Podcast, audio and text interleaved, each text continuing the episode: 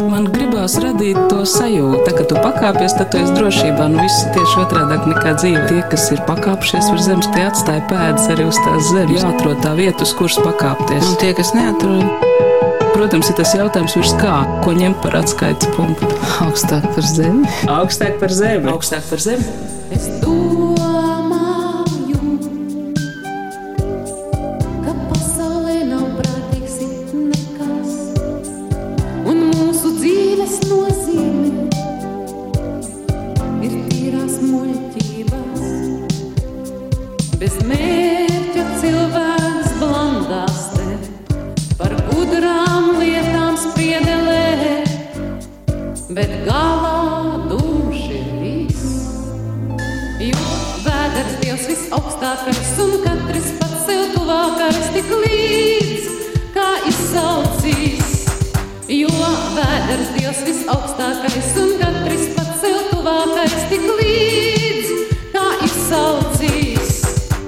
Esiet sveicināti! 3. oktobrī svinām Eduarda Vēdenbauma šogad jau 153. dzimšanas dienu.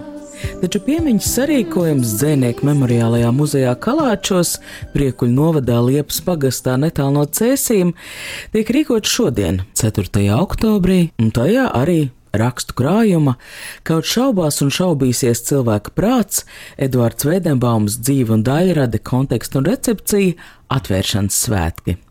Grājumā publicēti 2017. gadā Rīgā un Tartu notikušās konferences materiāli. Edvards Vēdenbaums nodzīvoja tikai 24 gadus. Viņa dzīves laikā netika publicēts neviens viņa dzējols, taču patiesi apbrīnojam ir viņa spēja nelikt mūs mierā, nu jau vairāk kā gadsimtu. Un Vēdenbaums jau arī līdz šim, mainoties paudzēm, laikmetiem, ticis atklāts vairāk kārtīgi tad nu tās tēmas, kas aktualizējušās pēdējo gadu desmit laikā, iezīmēs arī pēdējā laika vērienīgākajā Eduardam Veidambaumam veltītā notikuma viņa 150 gadus konferences referātos un attiecīgi arī nu pat iznākušajā rakstu krājumā.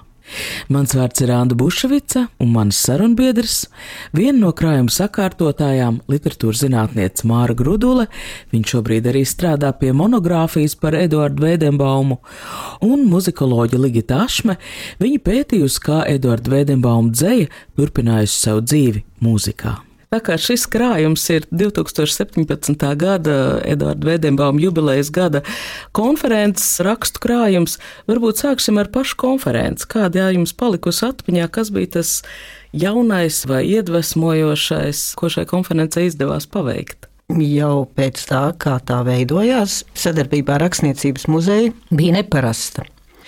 Tādēļ, ka tā notika vairākas dienas, Latviešu dziniekam tas var arī tā nebūt. Un arī tādēļ, ka nāca klāt daudz mūzikas, gan Bēdenbaum dziesmas, dažādos konferences brīžos, gan sarunas par mūziku, gan arī lūk, referāts bija par mūziku Ligitai Ašmei. Tas piedeva konferences gaitai poetisku nokrāsu.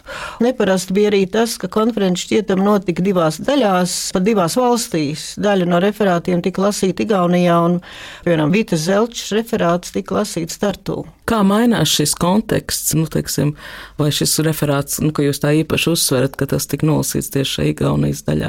Tādā ziņā, ka tur tika lasīta vēl virkni citu referātu, kas bija saistīti ar latviešiem Tartu, bet vairs nespecifiski ar Vēdenbaumu, un mēs iekļāvām ne visus Tartu dzirdētos referātus. Un, protams, īpaši bija arī tas, ka piedalījās Igauņu atzījotājs kontra, kurš bagātināja konferences zinātniskos referātus ar atgādinājumu, ka Vēdenbaums ir varbūt pat pirmkārt dzēnieks. Jā, tā nevienmēr tādām tradicionālām zinātniskām konferencēm ir. lilledes kaetud õhklaulu lainetest lai, mä torud on haljusse maetud, sest käes on meil taevalik mai. ja päikselgi armas nii helge on taevas sinises lõõm ja leeb nii helde ja rahvatab südameis rõõm. toob tolmu ja suitsu käest õue Laika pa laikam Latvijas kultūra telpa piedzīvo pa kādai Eduarda Vedenbauma reinkarnācijai. 1987. gadā, kad iznāca Jura Kulakovs septiņu ar pus dziesmas ar Eduardu Vedenbaumu vārdiem, pats komponists Vedenbaumskās brillītēs ar naģena galvā un gatavību spriest par mūžīgām lietām, likās kā tāds dzīves pierādījums, ka Vedenbaums ir nemirstīgs. Taču kopš 2009. gada šo vietu ar pārliecību ieņem attraktīvais igauņu dzēnieks kontra. Viņš Vēdenbaumu atzejo, skandē, izdzied, un arī tas vēl nav viss. Viņš vairāk kārtīgi nogājis kājām, Vēdenbaumu ietot ceļu no tērbats līdz pat kalāčiem. Saruna, no kuras īsu fragmentu tūlīt dzirdēsiet, notika 2014. gadā kad kontra bija atzījis visus Vēdenbauma zināmos dzējoļus, un tie iznāca igauniski kopkrājumā, kur nosaukumu burtiski varētu tulkot kā Nelasiet mani. Kuras no Vēdenbauma idejām te jums liekas aktuāls vēl joprojām? Vislabāk man eh, patīk par alus cersanu. Bet arī tā filozofija, ka mūsu dzīves ir mūžībā mazīs brīži vajak löödi tauts raisatis vai äh, päädaties Tumša on migla pasaulisets, muusikas ruupes tive tikrets. Velti ir stradats, veltiks ir tarps, kalataks seeme, kraus tevi tarps Laimibast saab nii plänas unnieks, nabavir seemes, sagaidam sprieks, tšesana saapes, sirtsti kaiut. noladets liktens silvekam put. Great. Mārs Gruduls teiktajā jau bija saklausām viena no tēmām Eduarda Vedenbauma pētniecībā, kas šobrīd atkal aktualizēta - studentu dzīve tērbetā 19. gadsimta beigās. No mazliet negaidīt skatu punktu par to krājumā, rakstā nokļūšana tērbetā ceļa semantēm laika aspektā, raksta folkloras pētniece Janīna Kursīte. Savukārt vēsturnieks Jānis Šiliņš krājumā izpētīs pīpkolonijas, kurai piederīgs bija arī Veidenbaums, pastāvēšanu pirmās latviešu intelektuāļu paudzes kontekstā un arī trīs jaunās paudzes latviešu filozofus - Andreju Balodu, Aināru Kamoliņu, Andru Hiršu, katru savu pētniecisko interešu dēļ, interesē idejas, kas valdīs studentu un pasniedzēju vidū 19. gadsimta tērbatā. Doties uz tērbatu, to starp Vedembaumam pa pēdām, bija daļa no viņu pētniecības procesa. Vēl mēs ar Andreju apmeklējām Tartu augstskolas muzeju. Tur mēs apskatījām dažādas artefaktus, kas arī attiecās uz laiku, kad studēja Veidenbaums. Jā, nu mēs tur redzējām dažādus šos dažādo korporāciju, vai ne visi simbolika, caprītes, zobens, ko viņi diezgan aktīvi izmantoja. Dažas lietas mēs tur neatradām, ko mēs gribējām. Fonogrāfs tur nebija. Vienīgajā šai fotografijā, kas ir izkopēta no lielākas kopbildes, un caur kuru mēs pazīstam Eduardu Vēdenbaumu, viņam galvā ir cepuri, tā ir korporēta cepuri, ja kā tur bija to pīpkolonija, vai tā vispār bija korporācija? Oficiāli viņa nebija korporācija, un savukārt Vēdenbaums, viņam bija interesants attiecības ar to latviešu korporāciju. Viņš, cik no vēstulēm var saprast, kaut kādu brīdi viņā ir, viņš kaut kādā brīdī iestājās un ļoti ātri izstājās. Mm. Un pēc tam nu, ļoti skeptiski izsakās par šo latviešu korporāciju Latvijā. 2017. gada rudenī, kad tapa šī intervija, viņi pārsteidz ar Rīgā un vēlāk Daugopilī izrādītu uzvedumu Vēsturisko fantāziju Mehāniskais Vēdenbaums. Tā tapusi reflektējot par vienu no nedaudzajiem Vēdenbauma publicistikas darbiem apcerējumi iz mehānikas. Apcerējums uz mehānikas tiešām domāts vairāk vai mazāk zemniekiem, lai viņi varētu uzlabot savus dzīves apstākļus, ja viņi mācītu liederīgi izmantot spēkus burtiski. Un otra lieta ir arī, ja mēs aplūkojam arī dažus izteikumus, kas parādās šajā mehānikā, ir tāda veidenboma, ka, piemēram, mehānika arī palīdzēs mums cīnīties pret Āzijas mežoņiem saglabāt savu kultūru. Proti, tas, ka mēs uzcelsim stipru valsti, un tad šie mežoņi nenāks pie mums. Šajā ziņā ir nedaudz raucināri, jo tādā gadījumā. Nu, Cik es saprotu, viņš arī reizē vērš pret mužniekiem, apspriedējiem, un attiecīgi zemnieks nāk izmantot šos spēkus, tad viņš reizē iegūst arī zinām veidu brīvību, viņš iegūst zinām veidu brīvību, tad mums mainās iekārta. Mēs ar Aināru arī no Andra esam apsprieduši šos jautājumus, kādā veidā uzlūkot šo Veidenbaumu, šo revolucionāro nostādni, ka faktiski ar šo darbu viņš nerunā par to, ka vajadzētu, piemēram, šo sociālo netaisnību likvidēt kaut kādā vardarbīgā ceļā, bet drīzāk ar šo progresu un mehanizāciju, un ar to arī šī nelietderīgā spēka patēriņš arī samazināsies. Un tādā ziņā, es domāju, Veidenbaums mums interesants arī šodien. Arī šodien mēs varētu domāt, ka valsts ir kā mehānisms, kurā ir ļoti daudz lieku zobratu, un zobrats nekad nevajag lietot par daudz, tāpēc, ka tie spēki tiek izšķēdēti. Mēs skatās apcerējums ir mehānikas un ņem blakus gabals ir tautsaimniecības, un nekas vēl viens veidenbaums atcerējums, un tad tur ļoti skaidri parādās īstenībā tā sasaist.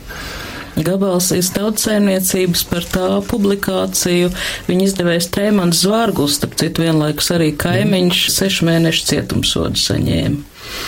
Nu, tas ir mazliet tāds asāks darbs. Nu, jā. Bet gabalā aiz tautsājumniecības tur arī ir daži izteikumi, kuriem ir var just to, ka viņš aplūko to sociālo iekārtu pēc analoģijas ar uh, mehānismu kaut kādā mm -hmm. ziņā, ka viņš saka, mužnieki vai ne pārtiek no citu cilvēku miesām un spēku, piemēram. Mm -hmm.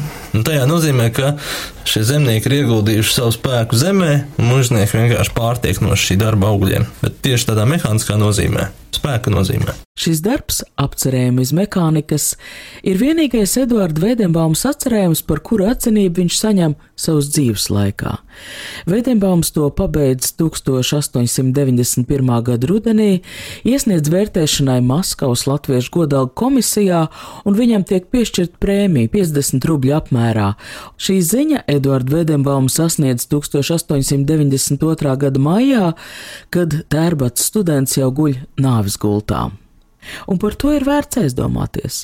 Šobrīd mēs Vedenbaumu pazīstam vispirmām kārtām kā dzēnieku, taču viņa paša dzīves laikā netika izdots neviens viņa dzējols.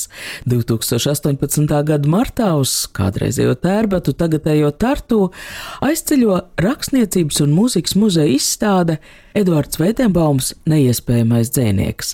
Toms Trēbergs reportāžā no izstādes atklāšanas startu iztaujā izstādes koncepcijas autoru Marianu Rižiju, un abi ir apstājušies pie kāda būtiska eksponāta - pie klades Tādās Veidembāma studiju biedri savulaik pārakstīja viņa dzēju. Daudzi viņa studiju biedri vēlāk kļuva par ļoti ievērojamiem cilvēkiem. Un tas interesantākais, ka tiešām pēc Veidembāma nāves viņi saprata, ka tie rokraksti ir jāsaglabā, jāvāc, un arī patiesībā jau Kasparsons, viņa studiju biedrs, Vedenbauma nekrologā jau arī ļoti precīzi arī formulēja Vedenbauma dzīves būtību un arī to nozīmi pat kāda ir. Veidenbaumam. Man liekas, ka viņi arī bija savā ziņā pašlabākie lasītāji Veidenbaumam, kaut arī viņš pats sev, protams, tā nevērtēja. Viņam laimējās ar draugiem. Un šeit, jā, es atcaucos uz literatūras vēsturnieks Līvija Volkova, kā latviešu literatūra nezina nevienu citu tādu gadījumu, kad tāds izcils dzinieks tik ilgi un sākotnēji ir eksistējis kā rokrakstu literatūra. Un savā ziņā tas jau ir tas leģendas kodols, ar kuru sākas Veidenbaums, jo dzīves laikā Veidenbaum pazina tikai kā studentu. Pretēji zināja, ka viņš raksta. Cik ir to reālo priekšmetu faktu, ar kuriem vispār, nu, teiksim, muzejnieki var operēt? Konferencē tieši par to referēja Rakstniecības un mūzikas muzeja direktore Iveta Ruskule. Un salīdzinot ar uh, citu rakstnieku, dzīsnieku vai mūziķu kolekcijām, Veidnabām kolekcija nav liela. Patiesībā ir ļoti maz to priekšmetu palicis. Sevišķi maz ir tādu taustām priekšmetu. Tur puse no brillītes, tur kaut kāds mazs grebumiņš, kaut kāds mazs viens priekšmetiņš. Tas, kas ir palicis, tās ir vēstules un dažāda veida raksturdarbi. Tie ir vairāk. Bet Bēnbauma muzejā Kalāčos, protams, ir uh, cilvēki daudz darījuši, lai saglabātu kaut vai no apkārtējām mājām, savāktu tos priekšmetus, kas vēl bija savācami pēc Bēnbauma aiziešanas, un arī pielāgotu, lai izveidotu to muzeju tādu, kas radītu priekšstatu par to atmosfēru, kādā tur Bēnbaums dzīvoja. Man šķiet arī tiem muzeja priekšmetiem tā interesantā puse ir tā, ka arī tas mazumiņš, kas ir, ir apīts ar leģendām. Un tad ir jālasa Ivets Ruskuls raksts, lai par to uzzinātu arī tie priekšmeti, kas Veidenbaumam tiek piedāvāti un pat parādās fotografijās, kā spieķis, arī tiem ir savi stāsti un savas leģendas. Un, uh, Muzejā ir arī tādas ļoti interesantas un pat aizkustinošas lietas, kā piemēram Veidenbauma mammas dziesmu grāmata, kas arī piešķir tādu interesantu akcentu Veidenbaumam, kurš pat uh, nesenā pagātnē vēl tika vērtēts kā ateists ar dažiem izņēmumiem dzējā. Jā, tā kā tas mazumiņš, kas ir saglabājies, liek par daudz ko domāt. Brīvības dziesminieks Eduards Veidenbaums pirmais revolucionārais latviešu dzinieks, ar plašām zināšanām ekonomikā, jurisprudencē, valodniecībā un filozofijā. Radioarkīvā glabājas kāds pagājušā gadsimta 60. gados tapis Edvardam Veidenbaumam veltīts raidījums, un arī tā ir pašpietiekami interesanta pētījuma tēma, kā ap Edvardu Veidenbaumu piemiņu veidojušās leģendas, ko katrs laikmets no viņa dzējas cerējis sagaidīt, kāda loma Veidenbauma rokrakstos glabātās dzējas izplatībā, popularizēšanā bijusi kopdziedāšanas tradīcijai. Arī par to krājumā atrodamajā muzikoloģis Ligits Ašmas pētījumā. Pētot to miedarbību starp Vēdenbaum tekstiem un viņiem dziedātā veidā, ir ļoti interesants likumsakarības, jo tad, kad Vēdenbaum dzēja kļuva populāra, tad taču vēl nebija profesionālu latviešu komponistu, un arī bija ļoti maz Faktiski pirmās oriģināla dziesmas radīja Baumaņa Kārlis, bet Jāzeps Vītols, Jurijāna Andrejs vai Emīls Dārziņš, kas ir mūsu profesionālās mūzikas pamatlicē, viņi sāka rakstīt gadsimta mijā, 19. gadsimta beigās, 20. gadsimta sākumā. Un viņi neizmanto veidnabām dzēju. Toties tauta, ja tā varētu teikt, tauta gan vēlas šos dzējoļus dziedāt, un tajā laikā bija tāda parādība, ka cilvēki tekstiem, kurus viņi uzskatīja par interesantiem un sev tīkamiem, pielāgoja dažādas vispār jau zināmas melodijas. Tā bija vispār izplatīta parādība. No šodienas skatu punktu raugoties. Tas liekas ļoti interesanti un pat neparasti. Ja?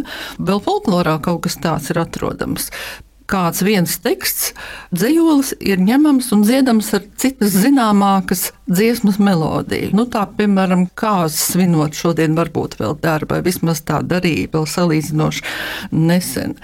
Bet par to laiku, ja runā, kad Veidenbaum dzējoļus sāka dziedāt, cilvēki tieši tā arī teica, dziedājām Veidenbauma dzējoli vai Raiņa dzējoli. Un tad par to pašu mosties reizes sabadais gars, ko ļoti daudz dziedāja 1905. gada revolūcijas laikā. Cilvēki nav piefiksējuši, ar kādu melodiju dziedāja. Šis dzīslis atkārtojas no vienas kladas otrā, un arī ir liecības, ka šis teksts ir dziedāts. Tātad ar kādu tajā laikā zināmu melodiju, un droši vien pat vairākām, dažādām.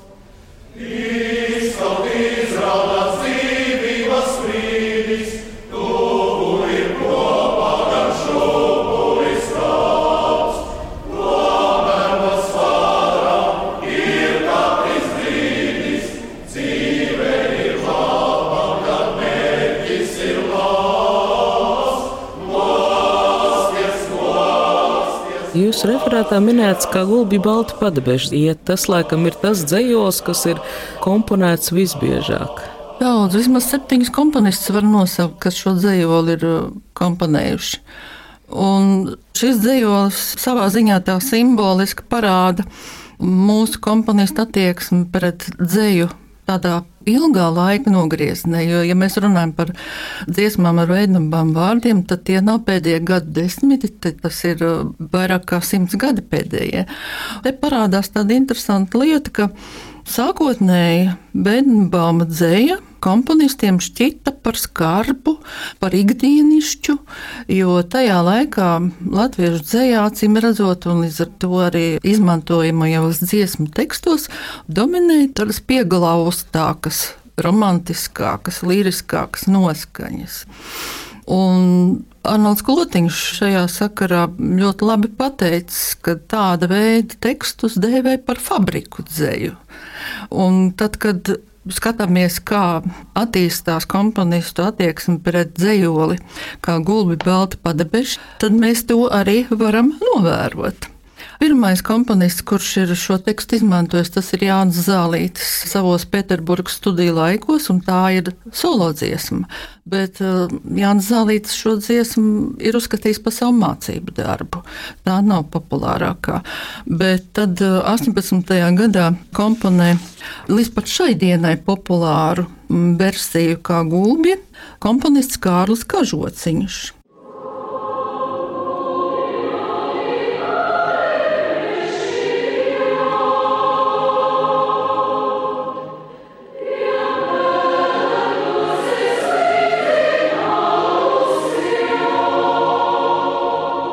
Tad mēs varam redzēt, ka Kārlis Kažociņš izmanto Veinbaum tekstu nepilnu. Viņš neizmanto tās divas rindas no stiprākās samīts, kur vājākais lūst, un asinis un sviedri ikdienas, kur plūst. Tas viņam šķitas ir par skarbu. Viņš apmierinās ar to tekstu, kas ir līdz tai vietai.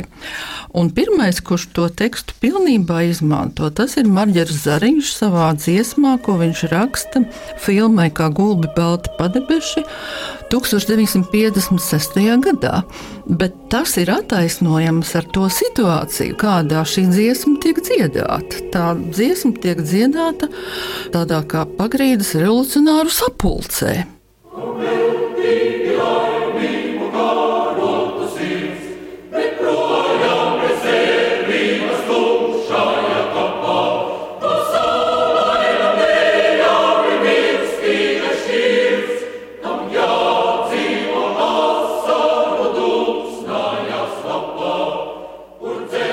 Un sākas ar uh, skaistu līrisku mecosoprāna solo, un tad pievienojas koris, un tad dzied par šīm strādnieku ķēdēm un važām, un tad arī ir īsti vietā šie skarbie vārdi.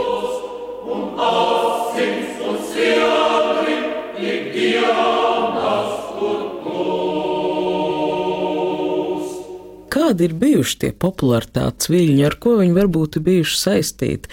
Kādos laikos Edvards Veidenbaums ir ticis komponēts vispopulārāks. Jūs jau minējāt 5. gada revolūciju. Es teiktu, ka milzīga um, loma Veidenbauma dzējas iepazīšanā un popularizēšanā ir Jurim Kulakovam. Jo Juris Kulakovs ar savu tikpat atskabargaino raksturu ir lieliski interpretējis Veidenbauma dzējojus, un viņam arī ir visvairāk dziesmu ar Veidenbauma tekstiem, apmēram 30. Un pirmās dziesmas, ko Juris Kulakovs cēla priekšā publikai, ir jau no 1980. gada, ne vairāk, ne mazāk kā politiskās dziesmas festivāla laikā. Atskaņots Juris Kulakova dziesmu cikls Mefistofeļu padomi ar Vēdņubām vārdiem. Kam velti dārgo laiku tērē? Un dzējām papīru tu smērē. Sen beidzies dzējas laikmets svēts. Pēc maizes tagad cilvēks brāts. Un tad 1987. gadā rodas viņa ļoti populārais dziesmu cikls, septiņas ar pusdziesmas ar vednībām vārdiem, kur popularitāti veicināja Jurka Kolokova paša tēls, Ieva Sakurāteres, dziesmenieces personība, grupas pērkons popularitāte. Un piedevām vēl Jānis Rušanieks uzņēma filmu televīzijā, un Juris Kolokovs bija uzlicis tādu cepurīti ar nagu kā vednībām un ar paļām brillītēm produktiem. Pateicoties šai filmai, daudzi atzīst, ka ir uzzinājuši, kāda ir vērtība dzēja.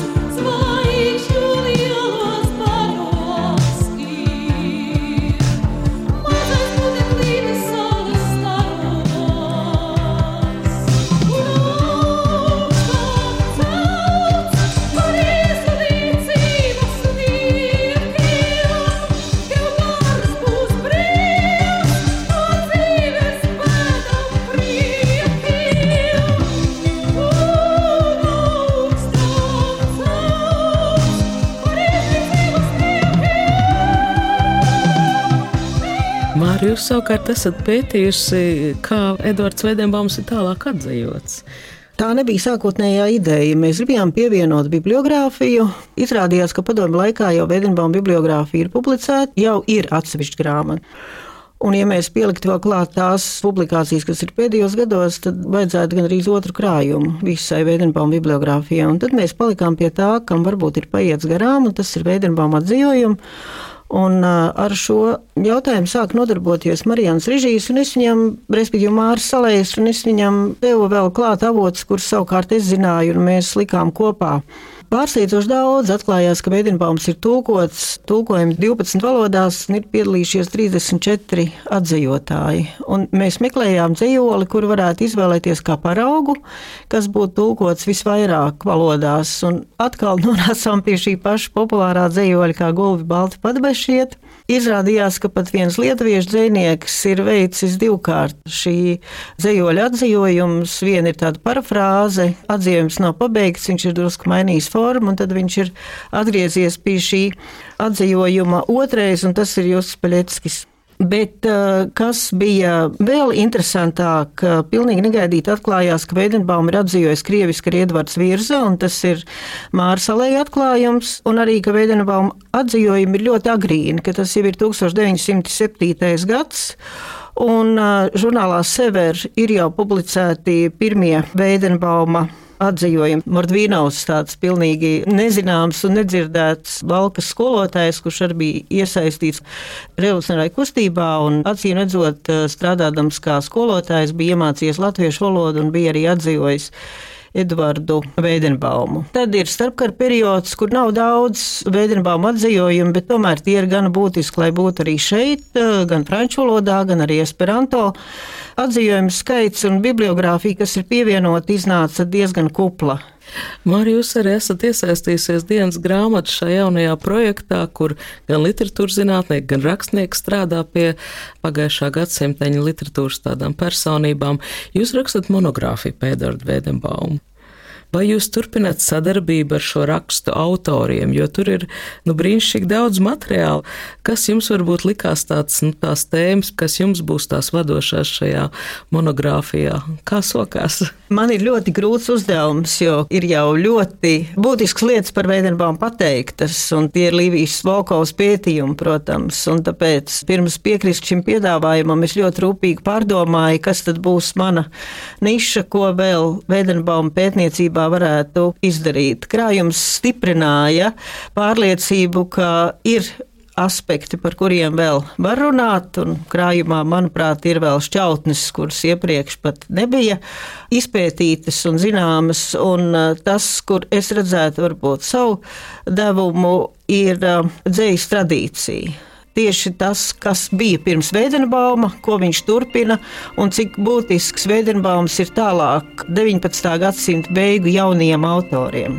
Un arī tas, cik būtiska ir šī mātes dziesmu grāmata, es negribu neko sīkāk teikt, vai ziņu tradīcija.